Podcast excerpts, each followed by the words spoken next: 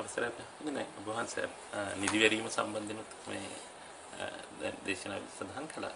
මම අහලා තියෙන අපේ හැමෝටම අධික නිදිමත. ඔව්. يعني නිදිමතට ඇබ්බැහි වීම. අර මාර්ගය වැසීමට හේතුවක් කියලා. අපේ හැමෝටම නිදිමතෙන් ගැලවෙන ආකාරයට මෙහෙමයි මාත් නිදිමත ගැන කතා කරනකොට නිදිමත කියන කාරණේ අපේ මුගලන් මහරහතන් වහන්සේටත් තිබ්බනේ. උන්වහන්සේ උතුම් රහත් ඵලයටපත් වෙන්නේ ඉස්සෙල්ලා. ඒ නිසා බලවත් වූ පංච නීවරණයන් සකස් කරගත්තා. ඉතින් මේ පංච නීවරණ ඒක බුදුරජාණන් වහන්සේත් දැනගෙන හිටියා. බුදුරජාණන් වහන්සේත් මුගලන් මහරහතන් වහන්සේට නිදිමත තුනී කරගන්න අවශ්‍ය උපදෙස් ලබලා දීලා තිබ්බා. ඉතින් ඒ නිසා මේ නිදිමත කියන කාරණේ මහත්වෝ පංච නීවරණයක් බව ඇත්ත. නමුත් මේ පංච නීවරණයන් සකස් වෙන්න මූලික හේතුව සද්ධාවේ දුර්වල භාවය. ඒ වගේම අපි සංසාරයේ මහත්වෝ සමහර විට අප්‍රමාණ වූ මේ ආවා වූ දීර්ඝ භව ගමනේදී නින්දට අදාළ ජීවිත ලබන්න තියෙන පුළුවන්. තේරෙනවද? ඒ සාංශාරික හුරු නිසා නින්ද කියන කාරණේ අපේ ජීවිතේට මතුවලා පේන්න පුළුවන්. සාංශාරික හේතුන් නිසා. තේරෙනවද? ඉතින් ඔය හේතුන් නිසා සකස් වුණත් මේ ජීවිතයේ මහත්ව අර විශේෂයෙන්ම පින්ඩපාත ප්‍රත්‍යක්ෂාවෙන් තොරව පරිහරණය කියන කාරණේ තුල නිරතුරුවම අපිට මේ ඔය තීන මිද්දේ කියන කාරණේ අලස බවකා කියන කාරණේ ඔය ශරීරයේ බරගතිය කියන කාරණේ මේවා අපිට සකස් වෙන්නේ. ඉතින් මේවා සකස් වීමේදී නිරතුරුවම මාත්‍යෝ ප්‍රධානම හේතුව වෙන්නේ අපේ මේ මේ ප්‍රත්‍යක්ෂාවෙන් තොරව කියන කාරණේ උතෙන්ට කෙලින්ම ගන්න වෙනවා. මොකද වර්තමානයේ හුඟක් කෙනෙක්ගේ ওই නිදිමස ගතිය කියන කාරණේ ගැන ශරීරයේ තියෙනා වූ යම් යම් දේවල් කිපීම නිසා ඇති වෙන. අපි සිංහල වෙදකමේදී කියනවානේ වාපිස්සෙම් කියලා. ඒ වගේ මේ ශරීරයේ තියෙන ස්වභාවයන් කිපීමට ලක්වීම නිසායි මේ දේවල් හුඟක් වෙලාවට මතුවලා එන්නේ. ඒතකොට ඒ කිපීමට ලක් වෙන්නේ කුමක් නිසාද? ශරීරයට අපත්‍ය දේ ලැබෙන්නා වූ නිසා. ශරීරයට අපත්‍ය දේ ලැබෙන්නා වූ නිසා. එහෙම නැත්නම් ශරීරයට ලැබිය යුතු දේට වඩා ප්‍රමාණව ඉක්මවා ලැබෙන්නා වූ නිසා. තේන්න. ඒ නිසා ඉතින් සාංශාරික පුරුදු නිසාත් අපිට නිදිමත එන්න පුළුවන්. එවැනි නින්දට අදාළ වූ ජීවිත අපි දීර්ඝ කාලයක් ගත කරලා. ඒ වගේම පංච නීවරණ සකස් වෙන්න පුළුවන්. මෙන්න මේ ප්‍රත්‍යක්ෂාවෙන් තොරව සිව්පසේ පරිහරණය නිසා පංච නීවරණ සකස් වීම නිසාත් මේ කාරණේ අනිවාර්යයෙන්ම සිද්ධ වෙනවා කියලා තීන විද්‍ය කියන කාරණේ සිද්ධ වෙනවා. ඉතින් එතෙන්දී මහත්වෝ අපි දක්ෂ වෙන්න ඕනේ සංසාරයේ මේ නිදිමත නිසා අපි සංසාරයේ කොච්චරනම් නිවන් මාර්ගය අහිමි කරගන්න නැද්ද කියන කාරණේ හිතන්න. නිදිමත නිසා. නිදිමත නිසා සෝවාන් ඵලයේ සුගතිය කොච්චරනම් අපි අහිමි කරගන්න නැද්ද කියන කාරණේ. තේන්න. එහෙම දකින්න එහෙම දැකීමෙන් මාත්‍ය අපි දක්ෂ වෙන්න ඕන උපක්‍රමශීලීව මේවා නැති කරගන්න. උපක්‍රමශීලීව නැති කරගන්න. ඉතින් නිදිමත එන හිතක මහත්ය කොතනකවත් සප්තබොජ්ජංග වල වැඩිම නැහැ. සමාධියක් නැහැ. තේන සප්තබොජ්ජංග නොවැඩෙන තැන ධර්මයක් වැඩිම නැහැ. මෙන්න මේ යථාර්ථය තමයි නුවණින් දකින්න ඕන. දැකලා නිදිමත කෙරෙහි බය ඇති කරගන්න. නිදිමත කෙරෙහි බය ඇති කරගන්න. බය ඇති කරගෙන නිදිමත සකස් වෙන වෙලාවේ ඊට අදාළ වෙනත් කටයුත්තක යෙදෙන්න. ධර්ම පොතක් කියවන්න, එහෙම නැත්නම් බණක් ධර්ම දේශනාවක් අහන්න, නැත්නම් බාහිර කටයුත්තක යෙදෙන්න, සක්මන් භාවනාවක් කරන්න, එවැනි දෙයකට හිත යොමු කරගන්න. ඒතකොට එවැනි දෙයකට හිත ක්‍රමානුකූලව යොමු කරගත්තට පස්සේ මහත්වෝ ඕක ප්‍රශ්නයක් වෙන්නේ නැහැ. තේන්න? මොකද ඕනෑම පුරුද්දක් අපිට අතහැර ගන්න පුළුවන්. තේන්න? නමුත් ඊට වීරිය තියෙනවා. තේන්න?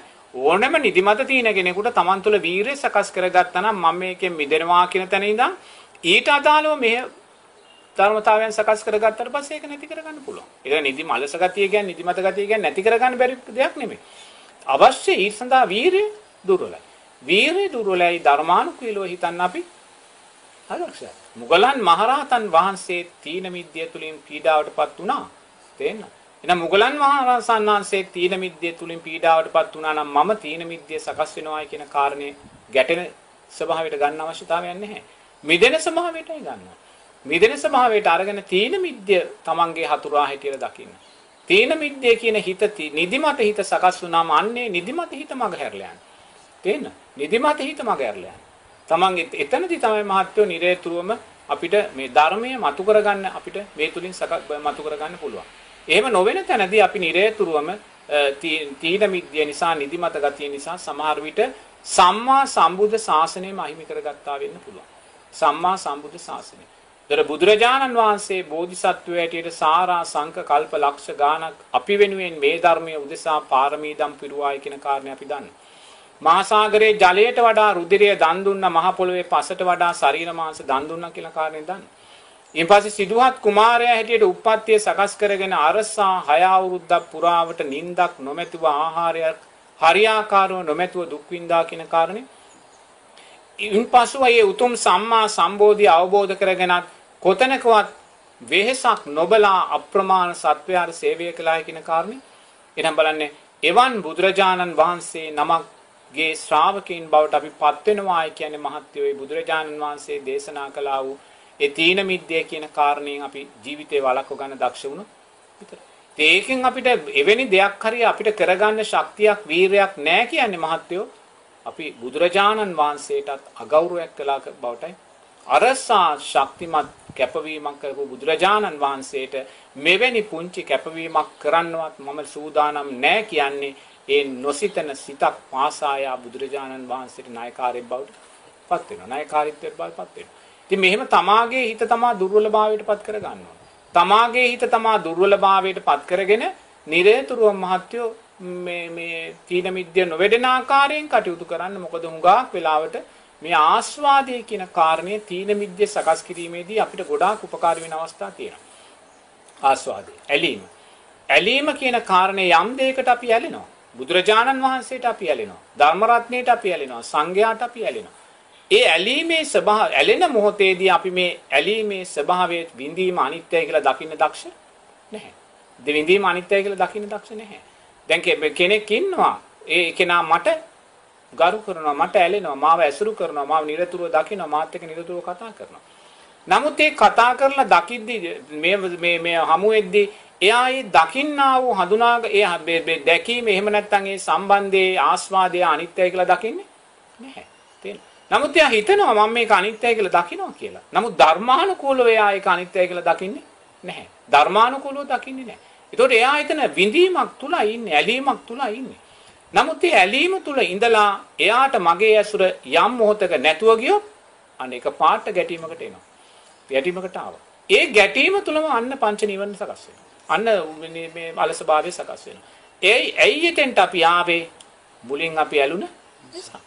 එතකොට අපි ඇලෙන තැන උපේක්ෂාවට ගත්තා නම් තේන්න.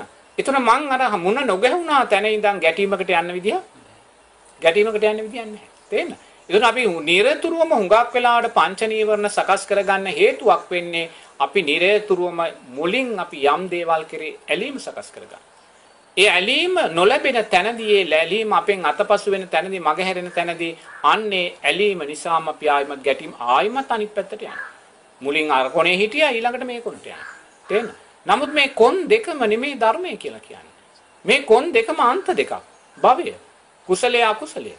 ඒතර මේ කොන් දෙකෙන් අපි නිරේතුරුවම මධ්‍යස්ත භාවයට උපේක්ෂාව තැනට ආවොත් අපිට ඇලුන මොහොතේ ගැටෙන මොහොතේ කියන කාරණේදීම අනිවාර්යයෙන්ම අපි කොතැනකදවත් නැවතේ අකුසල් සංස්කාරයන් කරා යන්න වෙන්නේ නැහැ. තේන? ඒත් ඔතනින් මම දැකලා තිනවා සමහරු පංච නීවරණ සකස් කරගන්න. තේන පංච නීවරණ සකස් කරගන්න. ඉතින් ඒ හැම තැනකදීම අපි පංච නීවරණ කොහොම හරි සකස් කරගන්නේ මහත්යෝ යමක් කෙරේ ඇලීම නිසාමයි. තේන? ඇලීම නිසාමයි. තීන මිද්දේ නිදිමත සකස් කරගන්නේ ඇයි? නිින්ද කෙරේ ඇලිනවා. නිින්ද කෙරෙහි ඇලෙනවා විවේකය කෙරෙහි ඇලෙනවා සකස් වෙන හිත කෙරෙහි ඇලෙනවා තේන්න කාමච්ඡන්දයක් ඒ ඇලිනවා. ඒ නිසාම අපි පංච නීවරණය සකස් කරගන්න. ඒ නිසා මේ ඇලෙනවා කියන තැනට යන්නේ නැතුව ඒක ගැටීම කියන තැනට දාන්න නැතුව හැම වෙලාවෙම ඇලීම උපේක්ෂාව කියන තැනට ගන්න ඇලීම උපේක්ෂාව කියන තැනට ගැටෙද්දී ඇලීම නිසා කවදාකවත් අපි ගැටීම සකස් කරගන්නේ නැහැ. ගැටීම සකස් කරගන්නේ නැහැ.